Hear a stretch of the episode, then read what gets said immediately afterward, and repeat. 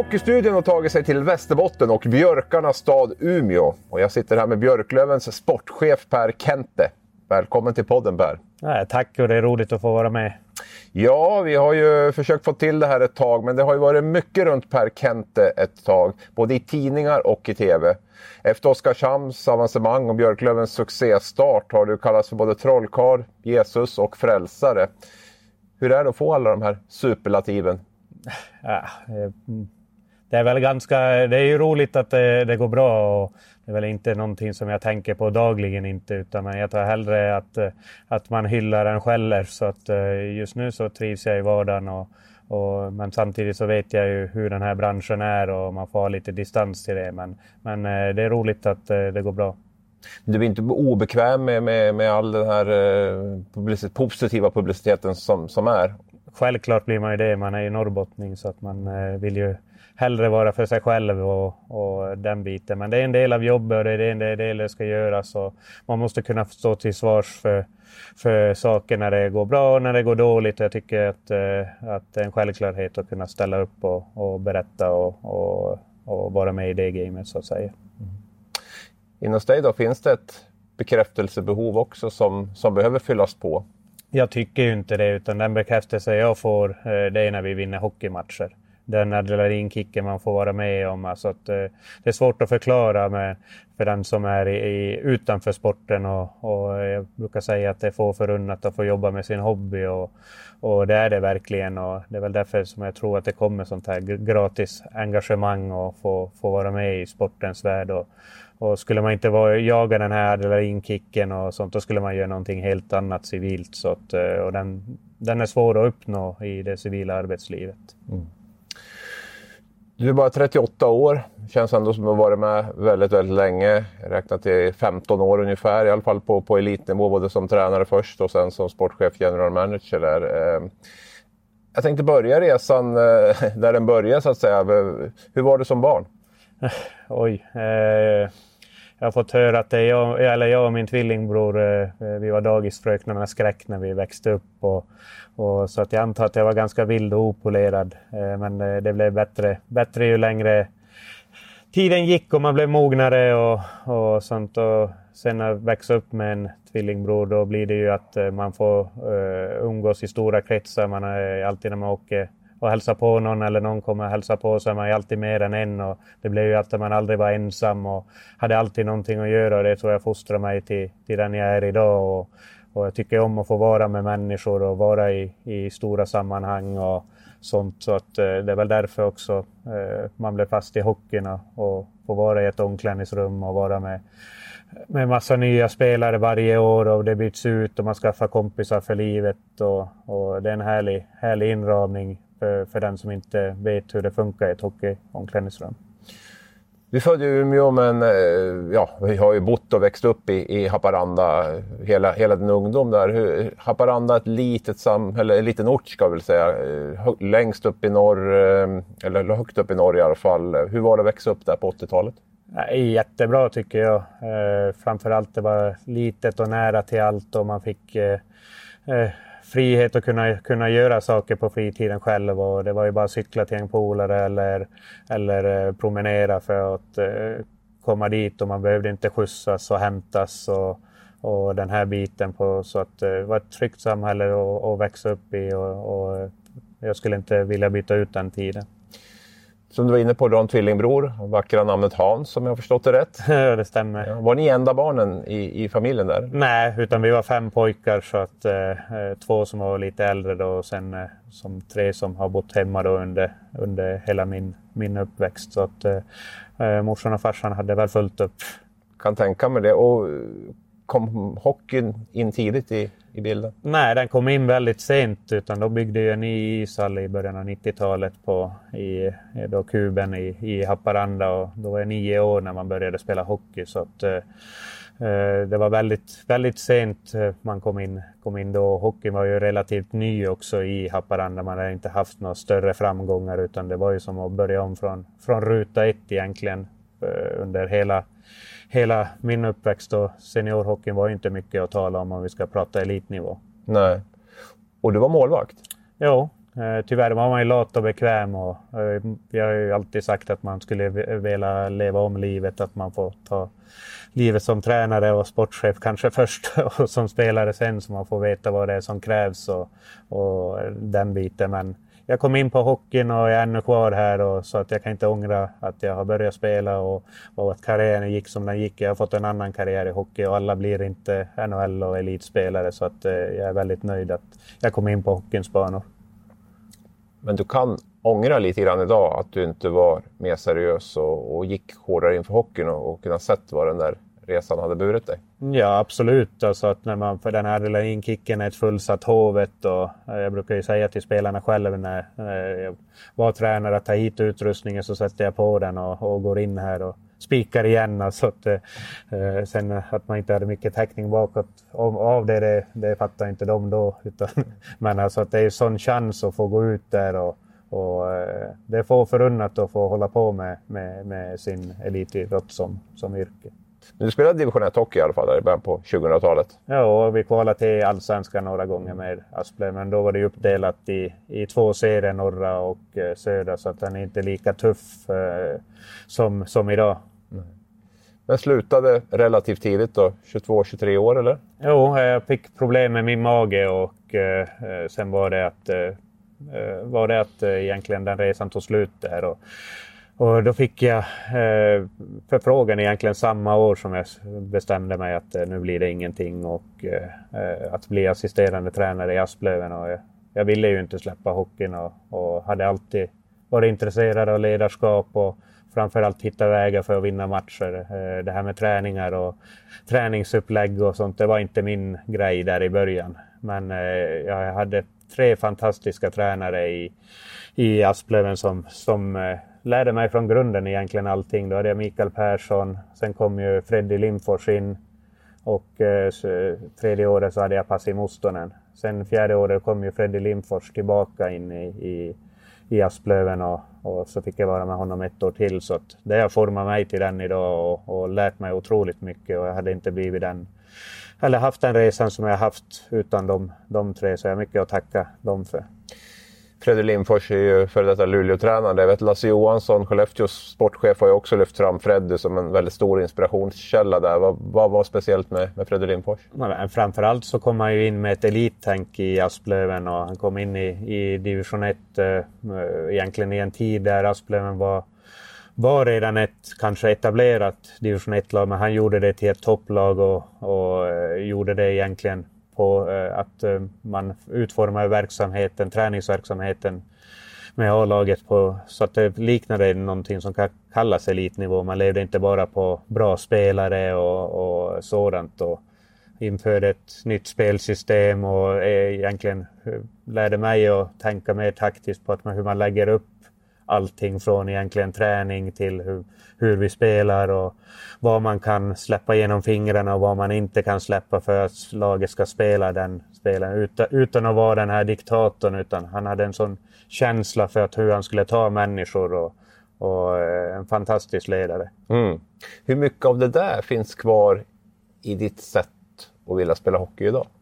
Eh, nej, det är väl inte så jättemycket. Det är väl en liten, liten, liten procent brukar jag säga att jag snor från alla, alla håll och kanter och, och sånt. Och det är framförallt spelet med puck. Och Freddy ville ju spela och att man skulle få, få kunna göra det här snygga målet och kunna göra misstag. Och så länge man inne, fanns, eller befann sig inom systemet så var ju näst, det mesta tillåtet. Och det kan jag känna att jag har idag. att man man måste låta individerna eh, tillåta dem misslyckas för att lyckas. Och, och, så länge man följer de riktlinjer man har sagt så ger man dem en klapp på axeln istället för en spark i baken så att säga. Men hur gammal, du var 22-23 år här ungefär, stämmer det? Eller? Ja, det stämmer ungefär. Eh, lite halvlat, målvakt. Vad, vad, tror du, vad tror du de såg hos dig som gjorde att du fick frågan att bli assisterande tränare? Eller tjatade du in där? Eller, eller hur, hur gick det? Liksom? Nej, utan det var bara, föll väl naturligt. Jag har ju som alltid varit intresserad av, av eh, vad ska jag säga, inte, inte taktik på spelsätt, men taktik på hur man formar, formar, eller formaliserar femmor och, och allt, allt med den här biten och hitta de här taktiska uppläggen när man tar ut målvakten, vilka som ska vara inne och, och den biten. Jag känner mig ganska hemma på den, så man har ju alltid diskuterat kanske med de tränare, sportchef, så sportchefer man har haft om, om de här. Så det kanske föll naturligt och, och att uh, de frågade mig då. Men, men eh, samtidigt så är det en liten ort. Eh, det finns inte kanske så många alternativ och, och då valde de mig att ge mig chansen, en kille på, på hemmaplan. Och jag begärde ju inga stora summor pengar utan jag var i stort sett där gratis i, i, under den här uppbyggnadsperioden. Dels för att jag hade ett jättebra civilt jobb på Polarica och, och jag behövde inte leta efter bara för att ha pengar eller morot utan jag ville ju bli någonting i hockey. Och jag hade en fantastisk chef eh, som hette Tom Innala. Och eh, han, eh, han lät ju mig eh, ja, få satsa på hockey samtidigt kombinera med arbete. Visst, jag fick ju jobba igen de, de timmar som jag tog ledigt under hockeysäsong så jobbade jag igen under bärsäsong och, och den biten. Men, men han tillät mig göra det och det är kanske få chefer som idag som hade gett det utrymmet. Men han ville ju se både till bygden och, och hockeyns bästa och, och samtidigt som, som jag ändå skötte mitt jobb.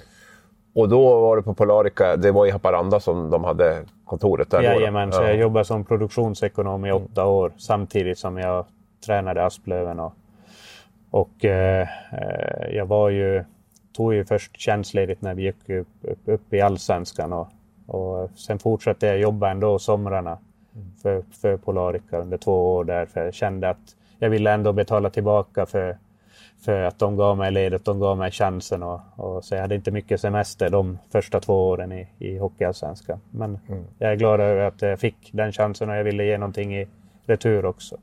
Du är ju utbildad civilekonom Läste mm. fyra år i Luleå där. Jajamän, eh, så att under 2000 till 2004. Mm. Och eh, då spelade jag hockey ännu kvar i Asplöven. Så vi, det här med, jag känner ju till den där vägen mellan E4 mellan, mellan Luleå och, och eh, Haparanda. Men då var vi ett gäng som åkte. Vi var en fyra, fem stycken som pendlade från Luleå. Så att de resorna gick ganska lätt när man var flera stycken. Utöver de här tränarna som du nämner där, var, var hittade du mer inspiration till ledarskapet och hockeyfilosofin och på, på den tiden?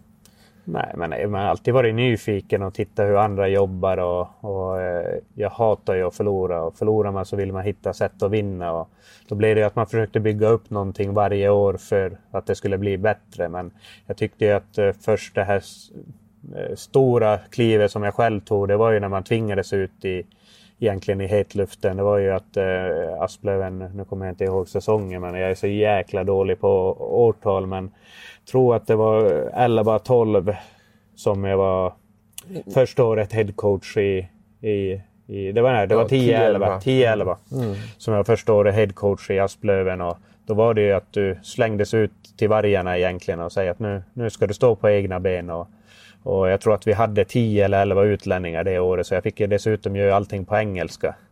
Och då var inte, på den tiden var inte min engelska, ja, den är inte bra nu heller men eh, nu kan jag göra mig förstådd. Men då fick jag eh, tvingas lära mig allting och jag tyckte att det var bra. Alltså att eh, jag var tvungen att, att, att göra någonting för att eh, vi skulle eh, ja, ha ett framgångsrikt lag. Mm. Och vi tog oss till kvalserien den, det året. Och, det var ju då vi hade Jonte Edström, vi hade Conny Strömberg och det var ju stora profiler på den tiden. Och, och men jag försökte bara vara mig själv. Och, och, eh, men vi hade en framgångsrik säsong. Om inte jag missminner mig så slog vi ut Björklöven också i, i playoff och tog oss till kvalserien. Sen räckte vi inte till där. Du var runt 30 där då, ja. den tiden där. Mm. Och, eh, fick ta över där efter etablerade tränare som Pasi Mustonen och Freddy Lindfors. Och så tvekade du någon gång att, ta huvudtränarjobbet där då? Nej, absolut inte. Jag tyckte att eh, det var ju det roligaste som fanns då. Jag tänkte att det måste också ge mig en chans själv att, eh, att eh, dels eh, utveckla hockeyn i Haparanda och eh, dels ge mig själv en chans att, att eh, få träna laget på, på för att målet var ju att ta sig till Hockeyallsvenskan. Det var ju både klubbens och mitt mål och man vill ju så så högt som möjligt att få, få vara i på elitnivå. Och eh, som du säger, du hade profiler i det laget. Det var Conny Strömberg, det var Jonte Hedström och så. Det lär väl ha hänt en del grejer misstänker under den där säsongen? Eller? Ja, men så, Stack ut. så var det. Alltså det är härliga killar, profilstarka och, och eh, som när Jonte kom, alltså att han, han kom ju med eh, både professionalism och eh, ska jag säga, lite humoristiskt också så att han kunde väva in allting så att allting blev ju roligt och spelarna lyssnade ju på honom som en tränare. Och, och jag tror att han också hade roligt under, under den säsongen och det hjälpte honom att uh, hålla liv i sin elitkarriär. Han gick ju till Timrå efter, efter det också. Så det kan vara bra också att starta om ibland. Mm. Och året ditt andra år som huvudtränare där så, så gick ni upp i Allsvenskan? Jo, och då var det egentligen att vi skulle ta ett mellanår med Asplöven. Utan det satsades ju ganska friskt det där första året och då räckte man inte till. Och, och eh, egentligen enda profilstarka värvningen vi hade då det var ju att vi hade Gusten Törnqvist i mål. Och, och eh, han stod ju verkligen på öronen när det verkligen gällde. Men vi tog inte oss upp eh, i, via spel utan vi blev ju trea i, i kvalserien och då var det ju Borås och eh, eh nu kommer jag inte ihåg vilka det var som, som vann, var Karlskrona? Nej, jag kommer inte ihåg. Men eh, vi förlorade i alla fall en, en nästan avgörande match med 1-0 mot, eh, hemma mot eh, Borås. Och jag tror att jag aldrig varit så, nästan så knäckt förutom när Asplöven åkte ur Hockeyallsvenskan. För då trodde jag att allt var slut, att vi kunde inte få en bättre chans. Och, och den här. Men, men då hade vi tur så att eh, 13 juli eller vad det var året efter, så, eller året efter men efter säsongen. Ja, efter säsongen så ringde de och frågade om vi ville ha en, en eh, chans i Hockeyallsvenskan för Borås inte hade klarat ekonomi, ekonomilicensen då. Och på den vägen var det. Mm. Vilken konkret nytta tycker du att du har av din civilekonomutbildning i jobbet som sportchef?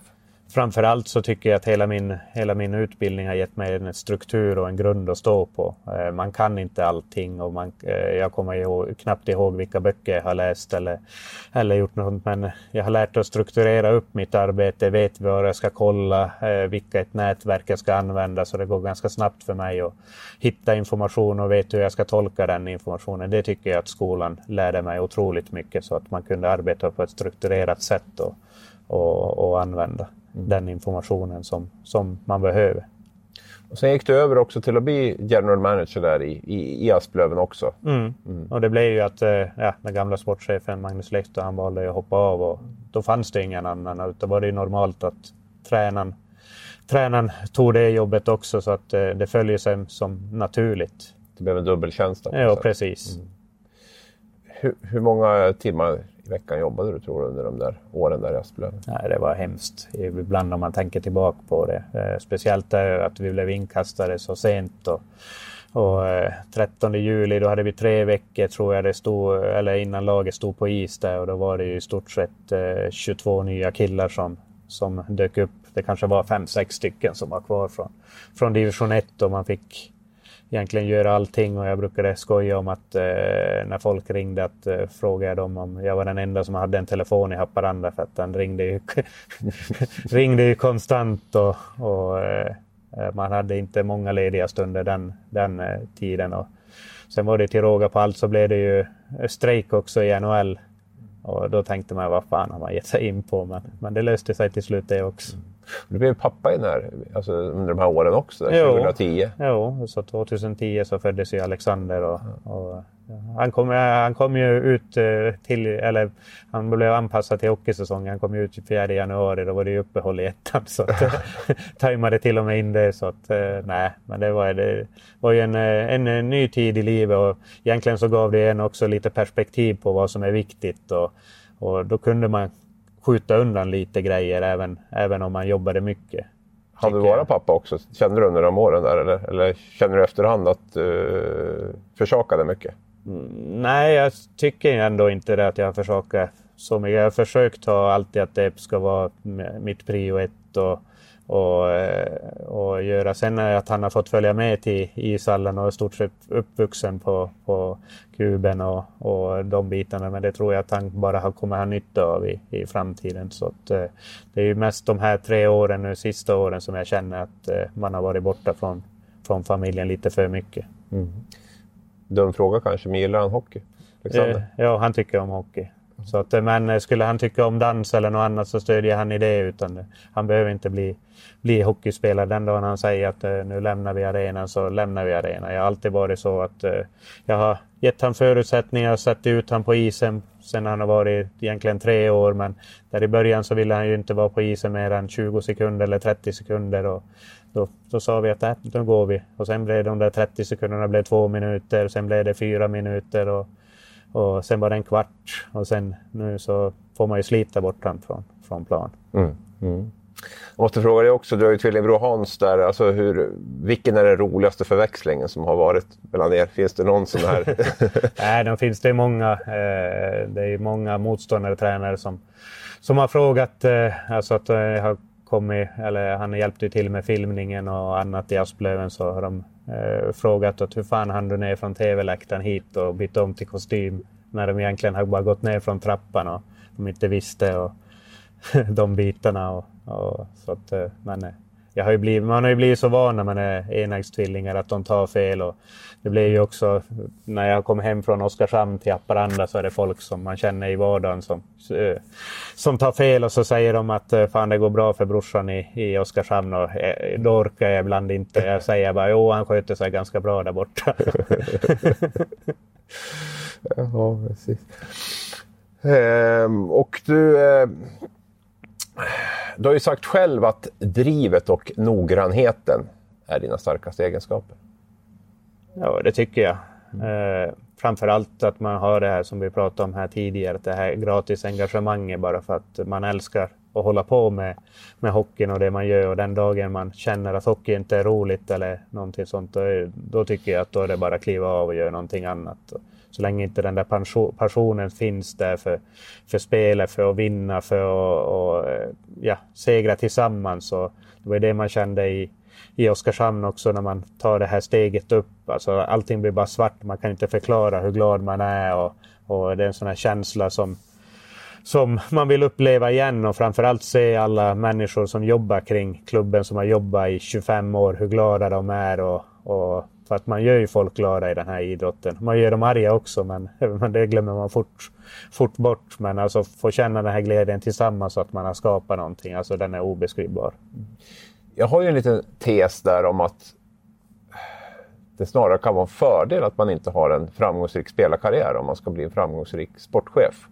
Om man tittar på några av de mest framgångsrika de senaste åren så vi tar Lasse Johansson i Skellefteå, vi har Henrik Evertsson i Växjö, vi har dig i Oskarshamn och nu i Björklöven där. Alltså, förstår du vad jag är ute efter lite grann? Att det här drivet och den här liksom hungern efter att uppnå något kan vara starkare om du inte har en framgångsrik ja, ja, Det är så svårt att sätta mig in i andra människor, hur de känner efter spelarkarriären och, och då blir de inslängda i någonting de aldrig har jobbat med förut. Och, det är ju en väldigt stor omställning från att gå från hockeyspelare till att du ska vara chef på, på ett eh, egentligen, eller du ska vara sportsligt ansvarig på, på hela. Det kan gälla allt från junior till, eh, nu är det olika uppdrag i olika klubbar, men allt från junior till, till damverksamhet, A-lagsverksamhet och, och har man inte gjort det tidigare så blir det ett väldigt stort steg och det kan ju ta bort glädjen.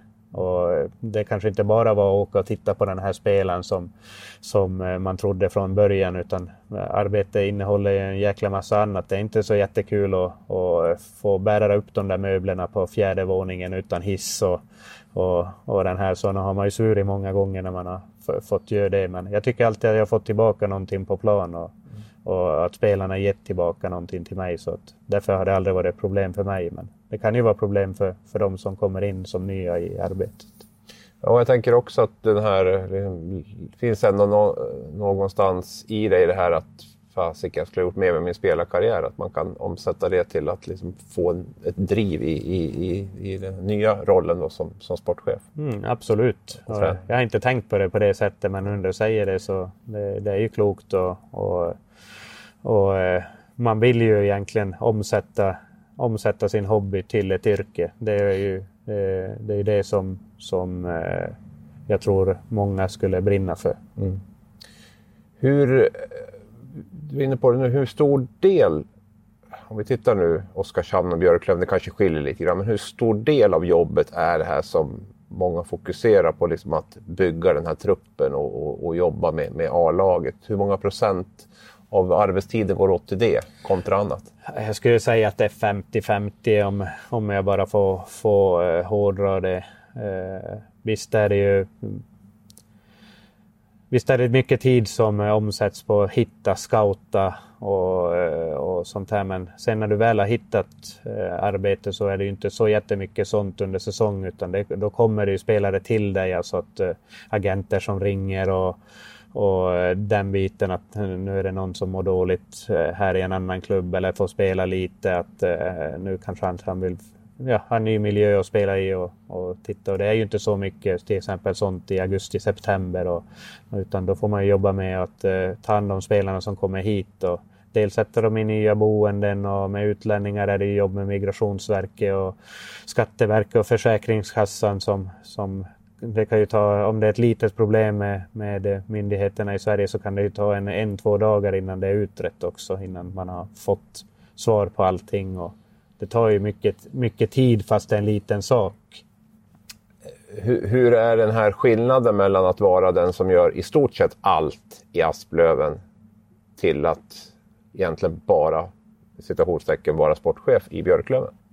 Jag tänkte ju aldrig på det när jag var i Asplöven att man egentligen gjorde för mycket eller, eller var indragen i, i för mycket. Utan jag tyckte det var så fantastiskt roligt att vi hade en liten klubb och kunde slå eh, egentligen sig in i finrummet. Man var inbjuden på en fest, eller inte, man var, kom på en fest som inbjud, eller oinbjuden gäst och, och kunde, kunde förstöra festen för en del, för en del lag. Och, och eh, jag tyckte att det var så fantastiskt roligt att få vara uträknad och, och, och ändå kunna göra så bra resultat som vi gjorde. Så att jag tänkte aldrig på att, att eh, man jobbade mycket. Och, men så här i efterhand så, så eh, blir det att man kan eh, engagera sig på en annan del, till exempel i byggandet av laget eller sättet vi spelar än att man, har många, man gör kan jag säga, mycket av lite.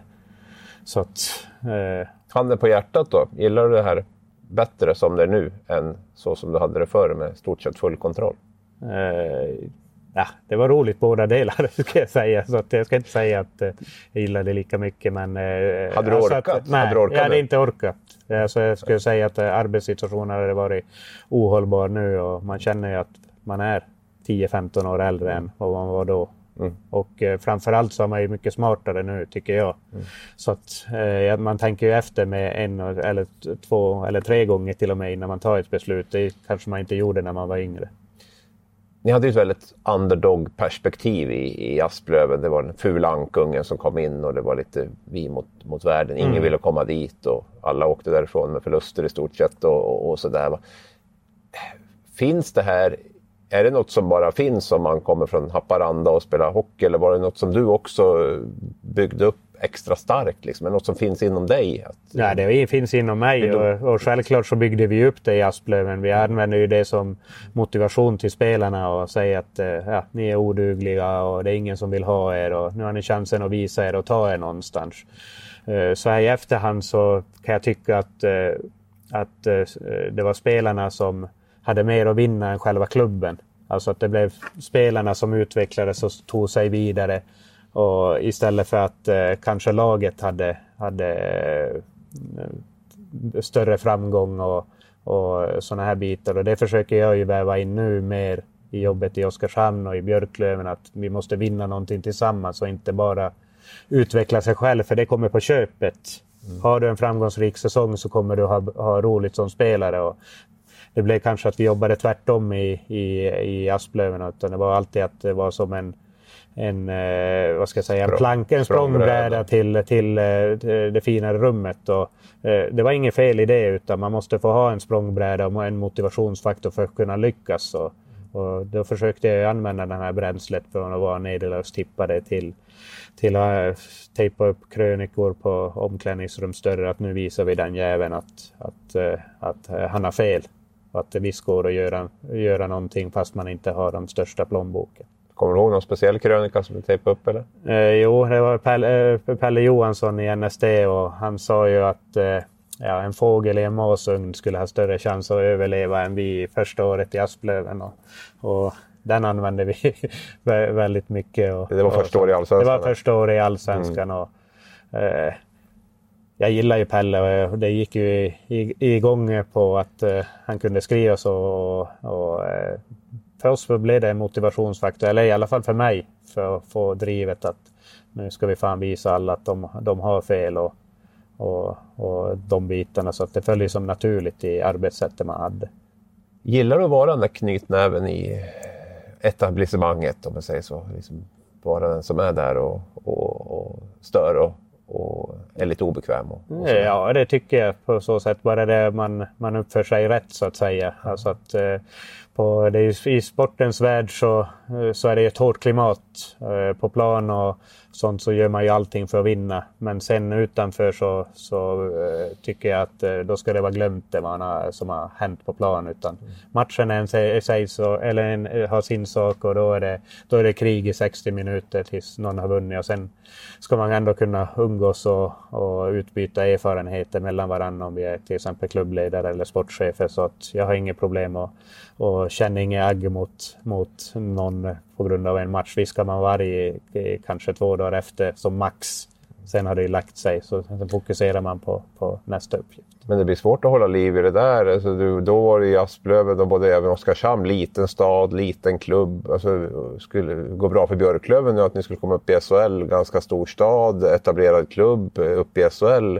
Då, då, är det ju verkligen en, en, del av etablissemanget. Ja, men det går alltid att hitta motivationsfaktorer på, på, för att uh, få, få laget att prestera och, och, och, den biten. Och sen blir det att man kommer som ny någonstans och så vill man ju slå sig in också innan man är, man är etablerad. Mm. Jag tänkte rama in, eller jag tänker dela upp det här lite grann med att köra fem snabbfrågor som jag har eh, komponerat ihop här. Så då, då eh, breder vi ut texten före och efter så vill jag ha snabba, rappa svar nu på, på de här. Eh, vem är Sveriges bästa sportchef? Ja, bra fråga. Eh, Nubben har ju vunnit två gånger, eh, årets ledare, så det eh, måste väl vara han då. Vin eller öl? Eh, öl. Favoritresemål? Haparanda. Vem är den bästa spelare du har tränat eller varit sportchef för? Eh, Lukas Wallmark. Idol eller Agenda? Eh, idol. Då är vi klara med dem. Vi måste ju komma in på den här resan med, med Oskarshamn där också. Du, hade varit, du var jättestark för Hippar Masplöv, eller var egentligen bara där du hade varit. Um, och sen fick du det här erbjudandet från, från Oskarshamn för två år sedan blir det ju nu. Mm. Och lite drygt två år sedan. Och det var ju framförallt som jag pratade om det här med kontakt. Man skapar kontaktnät, att man kan glömma vad som har hänt på planen. Och då hade jag etablerat kontakt med Martin Åkerberg redan under de här allsvenska åren. Och, Klubbchef i Oskarshamn ska vi säga. Då. Ja, mm. och eh, då blev det egentligen mer på skämt. Jag skickade ett, eh, det var annandag jul och tror jag det var. Och sen såg vi att Roger Jönsson skulle sluta i Oskarshamn så skrev jag bara ett sms typ i, att nu kommer jag. och på den, på den eh, vägen var det och, och sen lyckades vi eh, relativt, det gick jättesnabbt. Jag tror att eh, två, tre veckor hade vi hade vi gjort klart allting och, och med att jag skulle flytta ner. Så att... eh, hur var det att lämna Asplöven? Nej, det var jättetungt måste jag säga. Eh, framförallt eh, det tyngsta var ju att åka ur och man kände sån skam. Och, och det var därför jag stannade också ett år till. Jag hade erbjudande för att komma tillbaka till Hockeyallsvenskan. Men eh, jag kände att jag vill ge det här en, ett år till och att eh, vi kan bygga bygga upp det och jag trodde verkligen att vi skulle göra det men då åkte vi ut mot Mariestad i, i playoff och, och eh, eh, men då fick jag ju den frågan eh, av Oskarshamn där mitt under säsongen och, och jag kände att, att jag ville vara kvar i, i och framförallt ha det som, eh, som yrke. Och eh, jaha. får vi besöka. Ska, sitter. Ja, vi ska ha lite sop, soptunnetömning här nu, men det, det ingår också. Ja. ja. Och, det är bra det. Det blir bra, tack. Eh, och då gör du klart med Oskarshamn där. Det var redan under säsong där? Eller? Det var i slutet av säsongen. Ja, där slutet av säsongen. Att, eh, eh, när bestämde du för att du ville ha Björn Hellkvist som tränare? Eh, det var ju nästan direkt då för att eh, Fredrik sa ju upp sitt, Fredrik Söderström mm. sa upp sitt optionsår i samband med att jag kom där. Och, och Björn var ju mitt första alternativ och det första namnet som vi kollade på. Han ville ju tillbaka i svensk hockey efter eh, han hade varit i Danmark och inte, han tyckte inte den nivån passade honom utan han ville vara på en högre nivå och han visste vad Hockeyallsvenskan var. Och, och jag tyckte att jag tog ett möte med, tog med, med honom på Arlanda och tyckte att vi connectade direkt så jag har en jättebra relation med honom. Och, och eh, vi hade en fantastisk tid i första året i, i Oskarshamn och det var ju också för att vi fick bygga allting egentligen från grunden och gav ju oss fria, fria tyglar att här har ni, att vi är inte nöjda att vara nia. Utan, utan gör någonting bra av det här så att eh, år ett att vi tar oss till slutspel, år två att vi kan eh, egentligen vara topp fyra och utmana och etablera oss som ett topplag. Och sen år tre var det att spela hockeyallsvensk final var, var målet på den treårsvisionen. Och egentligen var det den visionen som, som fick mig att skriva på från början att eh, man ville någonting med sin verksamhet även om det kanske inte var största klubben eller största samhället. Och, och, de, och jag får ju hellre ut och flyger och sen när man kraschlandar så då är det bara upp och bygga om planet igen och försöka göra den resan igen. Men man ville i alla fall sticka ut hakan och göra ett försök. Mm. Vad, vad hade du fastnat för hos Björn? Framförallt att han var rak och tydlig. Uh, och sen hade han även... Hur visste du det? Eh, egentligen med, från de klubbarna jag jobbat tidigare, både i Rögle och Malmö. Och med de referenser som man tar. Sen har jag stött på Björn också i, i de här åren med, med Asplöven i, i, eh, i Hockeyallsvenskan. Så hockeyvärlden är ju ganska liten på så sätt så att det går ju att få, få bra information och, och eh, ofta så har man en liten tanke på att hur de var som människor. Men jag ville ju skapa ett eh, egentligen system vars man inte kan säga att jag vet inte. Jag vet inte vad vi ska göra eller det ska inte få finnas frågetecken utan så här gör vi. Sen om det är fel eller rätt det ser man ju efter säsongen. Mm.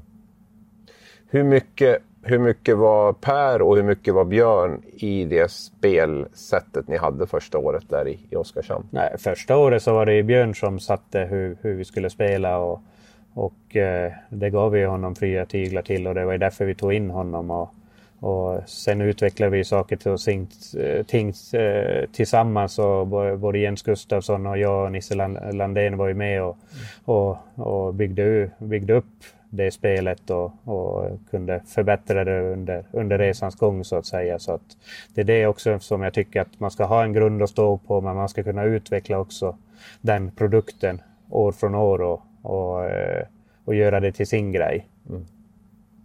Hur mycket skilde det sättet han ville spela på där Oskarshamn och som ni spelade på mot för det du hade liksom, jobbat med i Asplöven? Eh, ganska mycket eh, så att säga. Eh, framförallt eh, med spelet med puck var ju, var ju mycket annorlunda. Spela utan puck var inte så jättemycket. Men jag tror ju mer på att man ska bestämma sig en väg. Sen, sen eh, spelar det mindre roll om du säger att du ska spela defensivt, du ska spela offensivt. Utan du måste ha klara och tydliga riktlinjer på hur du tar dig till, till målet. Och sen kan vägarna se olika ut. Mm. Och det var som du var inne på lite grann, det var det som attraherade med Björn också. Att du visste att där får du en, en tydlighet och en, eh, det är inget snack om hur, hur ni ska spela. Liksom. Nej, utan eh, så jag vill inte ha frågetecken i, i sättet jag jobbar utan det ska vara tydligt från, från A till Ö eh, hur, vi, hur vi arbetar. och Eh, man ska kunna väcka en hockeyspelare mitt i natten och fråga att vad gör du i egen zon om backen får pucken här och kan spela över den. Vad är din uppgift? Då ska han kunna svara det. Annars är det, tycker jag att det är vi som ledare som har gjort fel. Första året där eh, ni gjorde det bra. Eh, väldigt bra stundtals där. Det var en enorm lånekarusell eh, vill jag minnas också ja, där med, med, spelare. Så att det är väl mitt fel att det har blivit, ja, blivit att det blivit eh, restriktioner med lån då. Ja, din förtjänst kanske? ja, men det är så när man... Hur många spelare använde ni det första året? Jag kommer inte ihåg, men det var över 40 stycken. Jag tror ja. Leksand använde mer än vad vi gjorde, så vi var inte den fulaste ankungen. Men, men, vi använde mycket och framförallt var det ju så att vi var tvungna att ersätta lån med lån för att spelare som vi tog dit gick för bra. Och eh, eh, då försvann de. Då, då fanns ju inte egentligen den här eh, som det är nu att det blir nästan en restriktion på att, eh, att eh, man lånar och då är det ju så att klubbarna säger att eh, i Allsvenskan till exempel att vi lånar honom men då vill vi ha en hela säsongen annars får det vara. Mm. Utan då var det mer på SHL-lagens villkor att ja, ni, ni får ha honom i en månad så får vi se. Mm. Och samtidigt som, som ekonomin styr Eh, så blev det ju så att vi fick ta in lånespelare då. Och sen gick vi bra som lag och vi ledde ju serien efter 13 omgångar och mm. spelade fantastiskt bra hockey. Och vi hade ju de här Rögle-spelarna med Marshall och Elvenäs som... Och båda Elvenäs-bröderna gick ju jättebra. Och, och, men då blev de ju sen också återkallade till Rögle och vi hade Sylvegård från Malmö som blev återkallad till Malmö. Och då var vi tvungna att ersätta dem och då var det ja, egentligen fyra spelare som for bort och sen skulle vi ha fyra nya då. Och tog vi in fyra stycken och,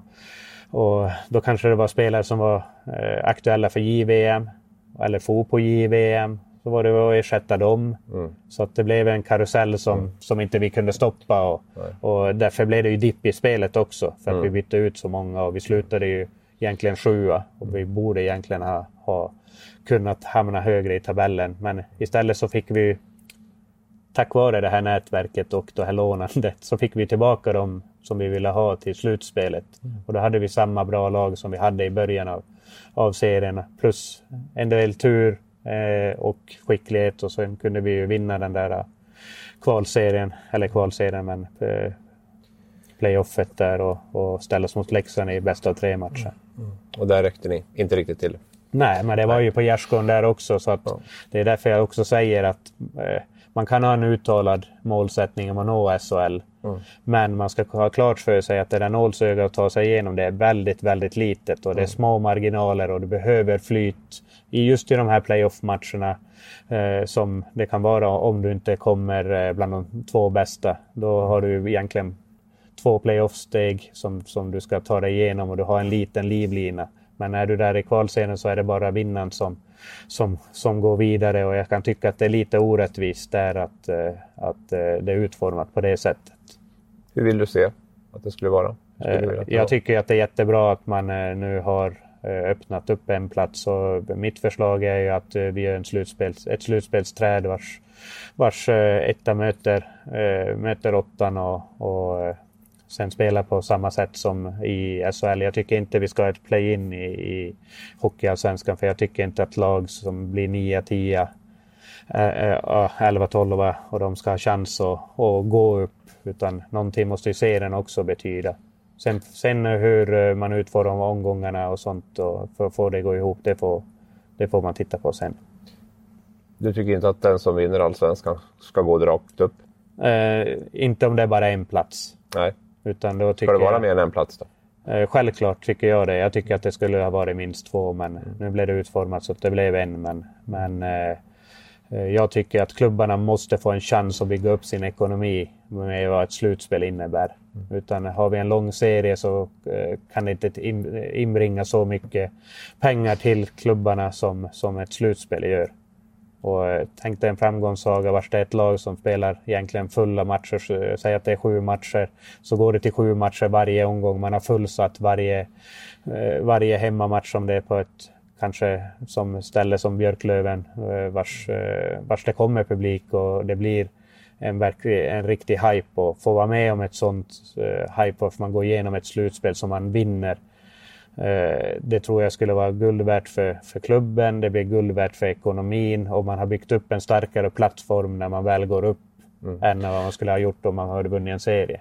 Det där är ju en lång och komplicerad diskussion, men, men hinner man med allsvenska mått resa mellan de här matcherna funderar jag på. Ni kan ju ställas mot Kristianstad i en sån. Mm. Alltså, blir... Och då får man ju titta, då får du ju ha som gamla NHL egentligen hade, att man spelar två matcher på bortaplan direkt.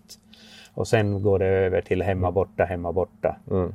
Eh, allting går ju att lösa på, på de bitarna och det är väl eh, det är ju upp till eh, nu Hockeyallsvenskan och Svenska ishockeyförbundet att komma överens om hur den ser ut. Men det är mitt förslag i alla fall. Mm. Men två lag upp, om du skulle få två lag upp, då vill du att det första laget i Allsvenskan ska gå upp direkt ja, och att ett ska kvala? Jajamän, och sen mm. spelar man ett playoff om, om den andra platsen. Mm.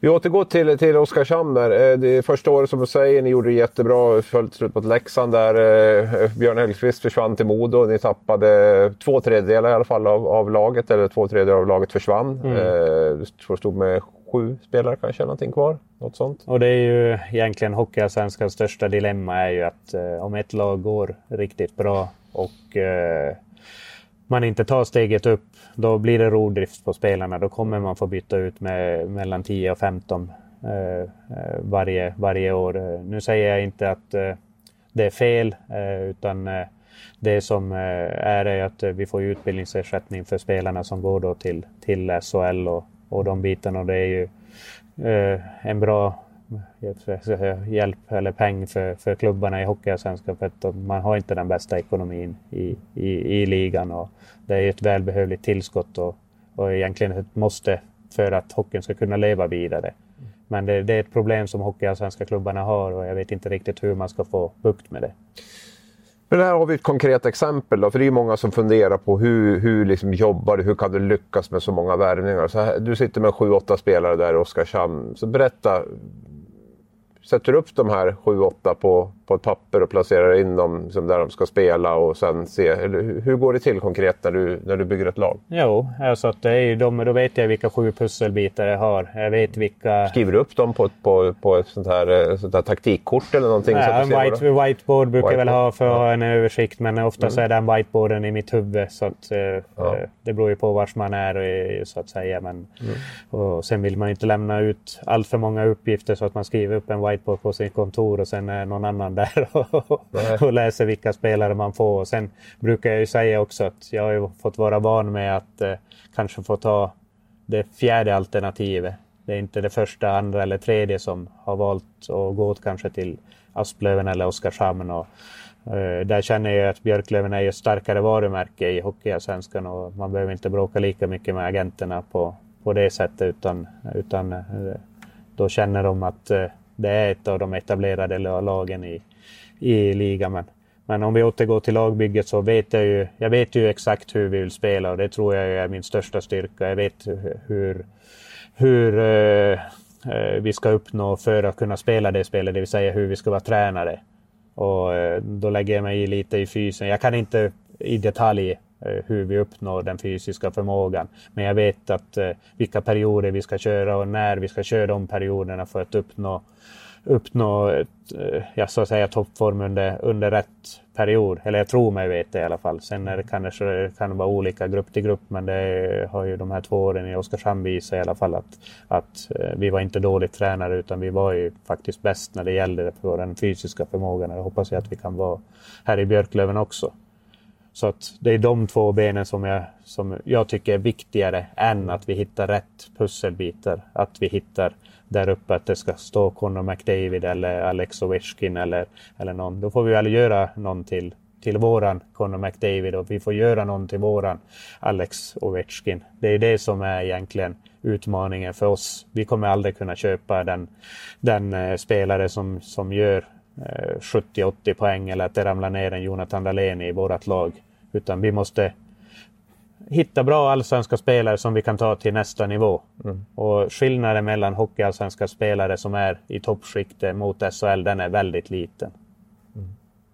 Och vad tittar du på då? då? För du, du, du, vill ju ha en miljö där ni, där ni gör spelare bättre och, och där de men vad är det de måste ändå ha i, i grund och botten? Nej, då? Men de måste ha verktygen till att börja med. Så då kollar man på det här vanliga. Eh, hur, hur de åker skridskor, hur de för sig i spelet, speluppfattning och allt det här. Men sen är det lika viktigt att göra hemläxan på hur de är som killar, hur de fungerar i omklädningsrummet. Och där använder jag mycket gamla spelare som jag har, har, har pratat med eller haft i, i min verksamhet. För jag litar mer på dem än på en tränare. För tränarna vill ju ofta antingen bli av med dem eller hjälpa dem vidare till, till nästa eh, karriär. Så att det är som en referens på, på jobbet brukar jag säga. att eh, att eh, man får också kolla med andra grejer eller andra referenser som man kan titta för att du sätter ju inte en som pratar skit om dig på ditt papper.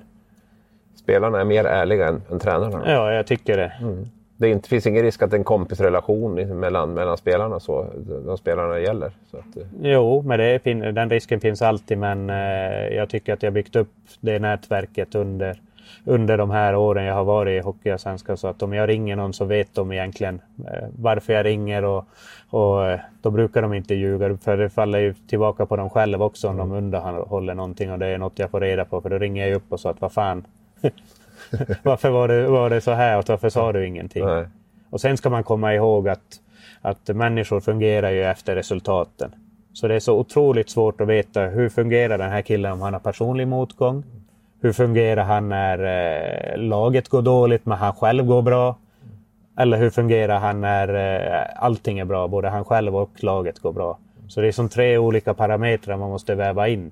Och eh, då kan det vara spelare som har spelat med honom när det har gått bra, eh, när det har gått eh, mindre bra eller när det har gått åt skogen. Mm.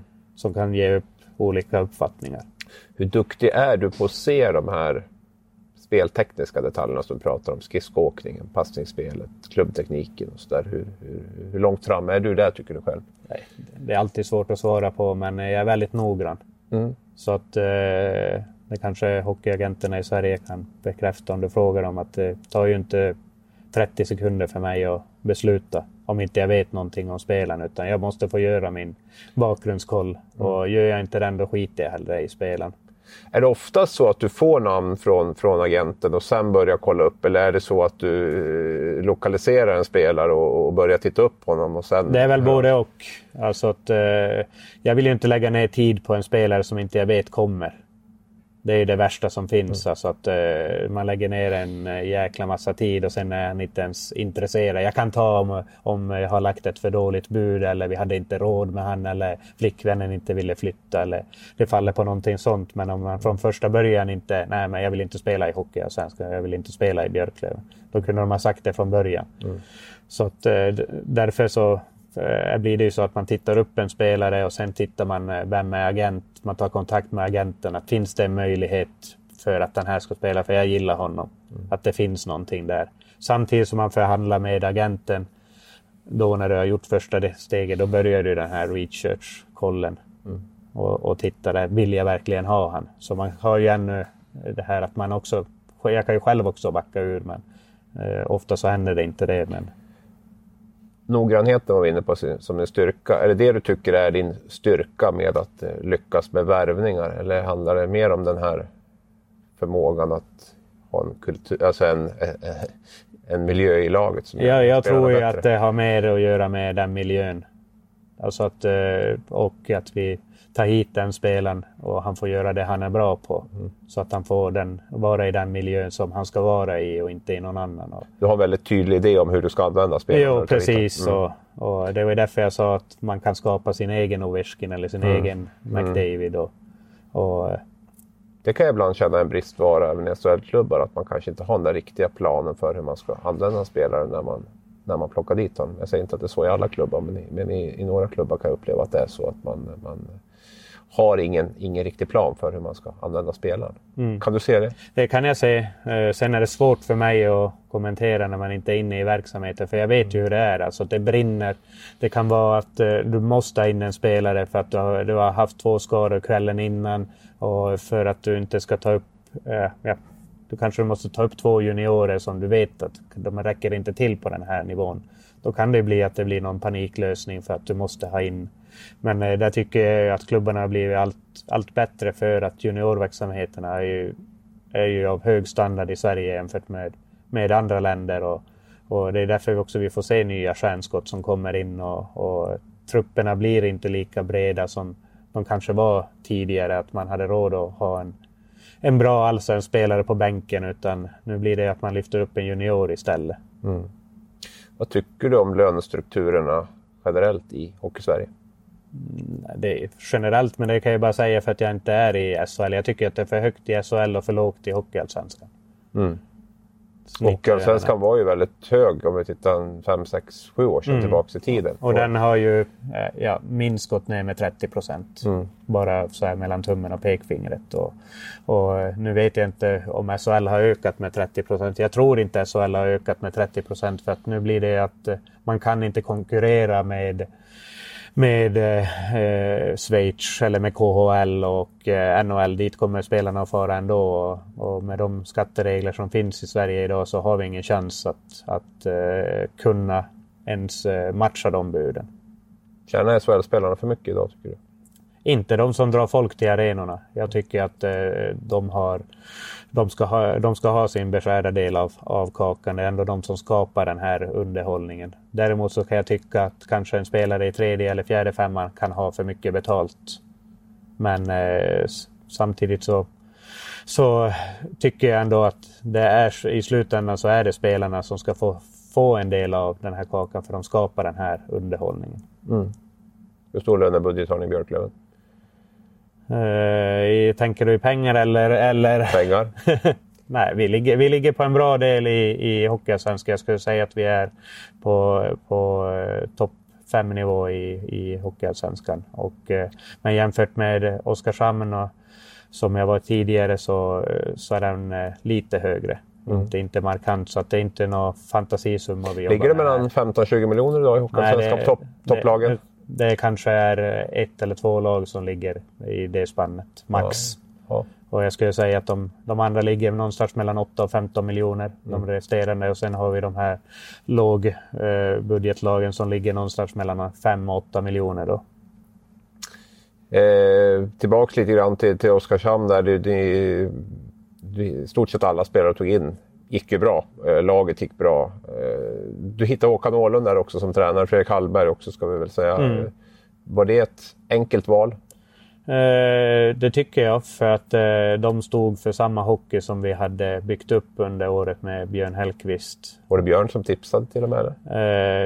Han var med, med lite grann i rekryteringen, ja. Så att, men Håkan och, eh, och eh, Fredrik visste exakt hur vi spelade och jag ville inte att vi skulle uppfinna hjulet en gång till. Utan jag ville utveckla det vi redan hade byggt upp och mm. det kunde vi göra under den säsongen. Så det var därför vi valde Håkan och Fredrik. Mm. När förstod du att det där kunde bli riktigt, riktigt bra med, med Oskarshamn förra året? Nej, men det var ju starten vi fick. Nu kommer jag inte ihåg hur bra vi gick efter 13 omgångar, men jag tror att vi vann åtminstone 10 av de 13 första matcherna. Och, och vi var ju i toppen länge. Och det var ni året före också? Jo, men då var det vi och AIK som seglade iväg lite.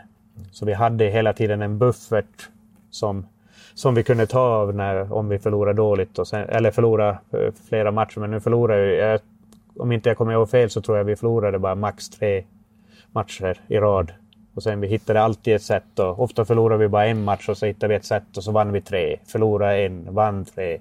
Och det räntar ju på så bra i en jämn tabell att man hittar de här att dipparna inte blir så långa och, och stora. Och, och eh, då kände jag att vi hittar ju alltid ett motmedel från att vi kom från en dålig prestation för att hitta en bra prestation. Och då, då visste jag att eh, det här kan gå långt och får vi bara spela en final så jag tänkte hela tiden att vi ska ta oss till den där finalen. Att fan, vi ska inte snubbla och bli trea för att det är så tufft att ta sig då därifrån den andra serien. Utan ge oss en final och så ska vi spela ingen roll om det är hemma eller borta för det. Utan då kan man väl knäppa dem på fingrarna.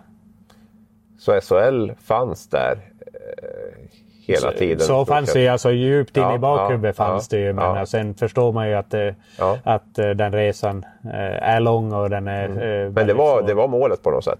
Ja, när vi hade skaffat ett sånt läge så var ju målet att, att vi ska ta oss till en final mot, mot antingen Timrå eller Mora då. Det var ju egentligen, för gruppens mål var ju att komma bland de två bästa. Att vi får få spela en final och då var det AIK nu som gick ut och, och satsade väldigt hårt och hade ett väldigt bra lag också. Det var ju på gärdsgården att det var dem istället för mm. att det var vi. Och, och, det är därför jag kan vara imponerad än idag att, att, att vi kan gå på ett fullsatt Hovet och vinna en femte avgörande match och man hittar den egentligen Eh, styrkan. Och på samma sätt som vi hittade den styrkan när vi mötte Timrå i, i finalen. Och där fick vi en sån käftsmäll i första Eh, matchen att vi ledde ju den egentligen eh, från start till mål. Men det var väl 15 eller 16 sekunder kvar när de kvitterade och sen vinner de i sadden och vi har stolpskott i, i sadden. Och den resan var inte kul. Som, det var jag och Benny och eh, ekonomiansvarig. Vi körde bilen till, eh, eller från Timrå till Oskarshamn med, med eh, utrustningen efter matchen. Och jag tror inte vi sa ett ord till varandra de första tre timmarna. För då var man jäkligt besviken. Men samtidigt så kände vi att mm. vi har någonting i den här finalen att göra. Vi kan vinna och, och ska de vinna mot oss i Oskarshamn får de vara jävligt bra. och vi fick ju rätt. SHL-avancemanget med Oskarshamn då, eller allsvenska avancemanget med Asplöven där, vilket? Nu blir det ju som, det går inte att jämföra för att eh, vi, spelar inte oss upp i, i, med, i, i allsvenska med Asplöven så jag säger ju helt klart eh, avancemanget med, med Oskarshamn. Ja. Hur var det att lämna där då? Nej, det var, vad ska jag säga, det var känslosamt. Väldigt ja. känslosamt. Men ja. det var ju, tog det beslutet redan i, i december och min klausul gick ut sista, sista december. Och jag hade en öppen dialog med, med både klubbchef och ordförande om både förhandlingen med, med mitt kontrakt egentligen från, från augusti. Och det var ju egentligen att eh, vi ville hitta en lösning för att jag skulle stanna i Oskarshamn. Mm. Men eh, sen kom Björklöven in i bilden och, och eh, då var det ett självklart val med, med familjesituationen som jag hade. För att det var ju den vi diskuterade eh, med att hur vi skulle göra. För att om de skulle, skulle flytta ja, ner? Ja, om jag skulle fortsätta i Oskarshamn. Mm. Så att, så att eh, då blev valet mycket enklare när, när Björklöven... Eh, så att även om vi ledde serien i Oskarshamn och jag brukar ju ibland berätta att det var för eh, sambon hon sa ju att du skriver på avtalet med Björklöven. Att, det var ett litet krav från Marie, heter hon va? Ja, Marie. Och, mm. då, så när vi skulle berätta för Alexander att, att jag skulle gå till Björklöven så satt jag i bastun och så sa jag att pappa kommer byta lag till, till Björklöven. Och så, vad tycker du om det? Så var han ju tyst jätte och ja, tårar kom nästan i ögonen och så sa han att aldrig i livet. Han ville inte att du skulle byta till? Nej. Nej. Och så sa jag ju bara att jo men att det är för att jag vill komma närmare hem och kunna vara eh, mer hemma och vara på resor och sånt här. Och så sa han bara att, eh, att eh, ja, någonting i stilen att pappa Björklöven ligger tia och Oskarshamn ligger etta, att man kan inte byta. Och han trodde att jag skulle byta på dagen. Mm. Att jag skulle börja i Björklöven ja. typ en vecka ja, eller dagen ja, efter. Och sa jag inte att nej, utan först spelar vi klart den här säsongen med Oskarshamn och sen byter jag. Men då var det okej. Okay. Då tyckte han det var okej? Okay. ja, ja. Du hinner träffa familjen betydligt mer nu också? Jo, så att, men de bor fortfarande kvar i De bor i Haparanda, mm. så att, men mm. jag åker ju hem i stort sett varje helg. Eller, eller mm. Nu följer jag inte med. Jag följer, försöker ju följa med på de flesta bortamatcherna. Men mm. eh, ska jag säga att 75 procent av bortamatcherna följer jag med på. Med de andra så kanske jag tar en resa hem istället. Mm. den möjligheten hade jag ju hade jag inte som i Oskarshamn att man bara kunde resa över dagen. Och, och, och den, utan då fick man planera att de här dagarna åker jag. Och man bokade också sina resor redan i augusti. att nu, här kommer jag. Och, och sånt. Så att det blir ju inte samma. Det kan ju aldrig bli en spontanare hem att man sätter sig i bilen att, att eh, nu saknar jag familjen och nu vill jag åka hem. Eh, kort om Björklund ska komma in på det också. Där. Hur mycket skulle du vilja säga eh, är Per Kente spelar det här och hur mycket är Joakim Fagervall spelar det här? Eh, jag tycker att det är för 50-50 ändå. Det här är ju någonting som vi har diskuterat i hela sommaren hur vi ska hur vi ska spela, hur vi ska träna och hur vi lägger upp allting. Och Jocke köpte ju allting med, från början när jag presenterat så här vill jag. Och sen vävde vi in lite tankar på, på hur han ville spela. Det är ju ett spel som Björklöven ville spela i fjol men inte riktigt vågade eller hade kunskap till att genomföra med de kanske spelarna man hade. Och man blev lite eh, rädda med att man fick en, en taskig start och då återgick man till, till någonting som eh, var gammalt och beprövat och man hade haft framgång med tidigare. Mm. Normally, being a little extra might be a bit much, but not when it comes to healthcare. That's why United Healthcare's Health Protector Guard fixed indemnity insurance plans, underwritten by Golden Rule Insurance Company, supplement your primary plan so you manage out of pocket costs. Learn more at uh1.com. Hur mycket skulle du vilja säga att det påminner om det spelet ni spelade i Oskarshamn? Nej, det påminner ganska mycket. Eh, men som jag sa innan att det är någonting vi har utvecklat år från mm. år och, och eh, vi försöker utveckla det även här så att eh, det är lite, lite skillnader finns det också i sättet vi vill spela och, och man vore dum om man inte tog, tog med sig sånt man har lärt sig tidigare. Sånt som fungerar? Ja, och sånt som fungerar också. Så att, det är väldigt, eh, vad ska jag säga, hockeyn är inte en raketforskning utan det gäller ju bara att man utför det man vill det man kan så fort som möjligt egentligen på isen så att man eh, får de här pucktransporterna att bli så få som möjligt och att man får en fart i spelet som, så att man kan göra grejer i fart. Det är det som tror jag är nyckeln till, till framgång i, i dagens hockey. Det är väl kanske en yrkeshemlighet så, men, men vad, vad, är, vad, är, vad är eh, just för att få den här kurvan som pikar i slutet på säsongen rent fysiskt där? Vad, vad, eh, hur gör man? Nej, man lägger upp ett tränings... Ja, men hur lägger man upp det tränings... Ja, det var lite den det, frågan jag Ja, det är ju likt en skid, skidåkare som, eh, som ska vinna OS-guld i februari. Så att man får ju periodisera sin träning när man ska träna hårt för att kunna kunna utvinna det i slutet. Och då gäller det också att våga träna. Man vågar trycka på även om det vi har matcher. Och sen eh, säger jag inte att vi går och kör ett, ett skiten ur oss eh, dagen efter en match när vi kanske behöver rehab för att bygga upp kroppen igen för att tåla träning och sånt. Men du måste ha utstakat i detalj på att eh, Egentligen lika som jag sa att man måste vara noggrann. Mm. Man måste vara noggrann på hur man spelar på isen. Lika noggrann måste du vara med både kost och på att hur, du, hur du tränar för att orka träna. Och sen är det mentalt. Man vet att i mörka november, december, speciellt här i norr, så kanske det smakar lite mer skit. Men då har vi berättat åt spelarna redan i maj att så här ser träningsupplägget ut. Kom inte och gnäll i maj att det blir lite, eller maj i december. november eller december att vi kommer att trycka på lite med träningen. Utan det är bara för att, att vi ska kunna vara så bra som möjligt och, och vara bäst när det gäller. Är det kortfattat, handlar det om att ha två riktigt tuffa perioder? jag kan tänka mig att en är på försäsongen eh, och att man har en november, december någon gång? Eller, eller är det mer komplicerat än så? Det är, li, det är lite mer komplicerat än så, men i stora drag så är det ja. Mm. Och sen måste du ha en uppbyggnadsperiod vars du bygger upp kroppen för att tåla den träningen. Mm. Den har du ju ofta i maj, maj. juni. Mm. Så att eh, det i stora drag så handlar det om att, kunna, att man, att man vågar. Men där kan du egentligen intervjua en, eh, intervjua en eh, enskild toppidrottare hur de lägger upp. För mm. det, det är egentligen upplägget som vi har försökt efterlikna. Jag kan prata med Charlotte Kalla så, så hon förbereder sig för, för OS ja. så, så, och så skjuter jag fram det bara någon månad till. Där. Precis, men ja. det handlar ju om, om att anpassa det efter verksamheten vi har.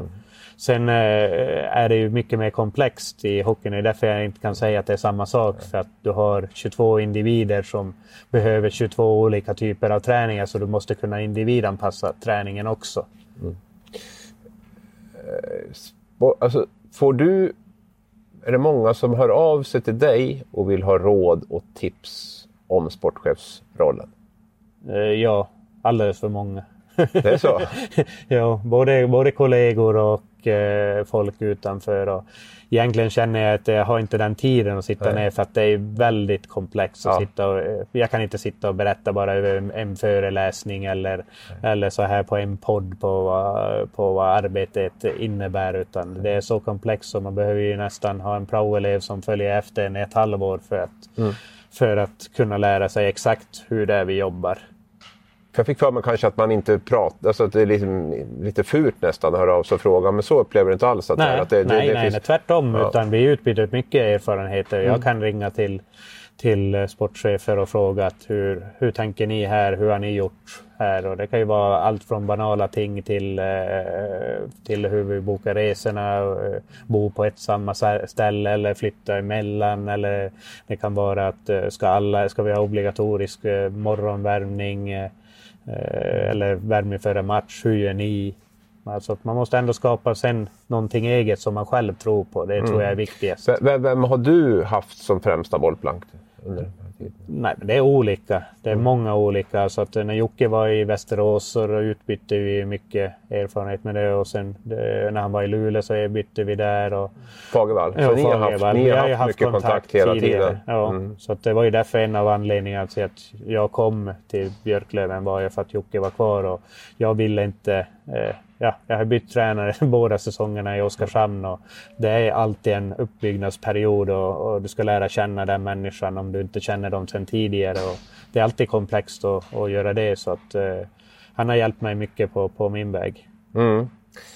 Eh, vi börjar eh, närma oss slutet här. Eh, jag tänkte ta ett, ett annat citat som jag snappat upp som du har sagt i en intervju. är att du, Jag blir snabbt rastlös. Jag fikar sällan. Det tar för lång tid. Jag fiskar inte och skulle nog riva ett berg om jag var uppe i fjällen. Jag tycker om när det händer saker runt omkring mig.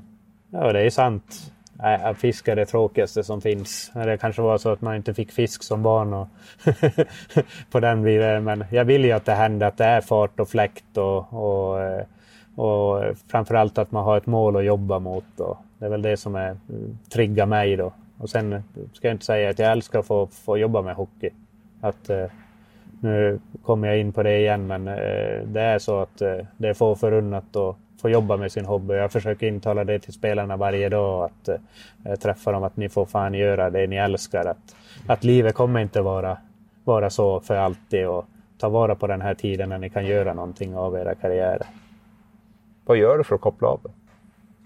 Ja, men det blir ju att man får titta hockey. så att, eh, alltså att under, under hockeysäsong så blir det ju så här att uh, den där tvn står ju på. Det är en match varje kväll mm. i stort sett. Men är det avkoppling? Jo, det, jag tycker det är avkoppling. Men så här är det ju att det är därför jag vill följa med på, på uh, matcher och sånt. För att uh, när man tittar hockey på TV blir det att du tittar med ett öga. Telefonen kanske ringer eller du ska göra något annat. Eller du ja, sitter och surfar och tittar. Då blir det inte att man scoutar på samma sätt.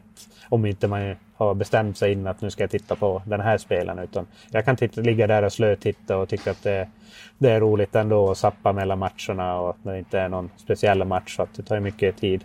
Mm. Men sen så försöker jag hålla igång. Jag spel, försöker spela lite tennis och lite pingis på, på sånt. Och, och sen på somrarna så är jag ju tränare eh, tillsammans med, med min kompis Jari med grabbens eh, fotbollslag som är födda 10 då. Så att, eh, eh, men eh, då har vi lyxen att vi tar bara hand om matcherna. Jaha, så oj. Att, ni har, så ni har anställd vi, tränare? Ja, men vi har, nej, utan vi har en stor grupp som, som tränar tillsammans. Då, mm. och sen så fördelar vi åldersmässigt när det ska ut och spelas matcher. Då, och då har vi tagit på oss att ta, ta tiorna. Då, så, att, så att det blir också en liten avkoppling. Blir du förbannad, blir du förbannad när ni förlorar? Vi förlorar aldrig. Nej, jag skojar. Men eh, självklart så kan man bli lite...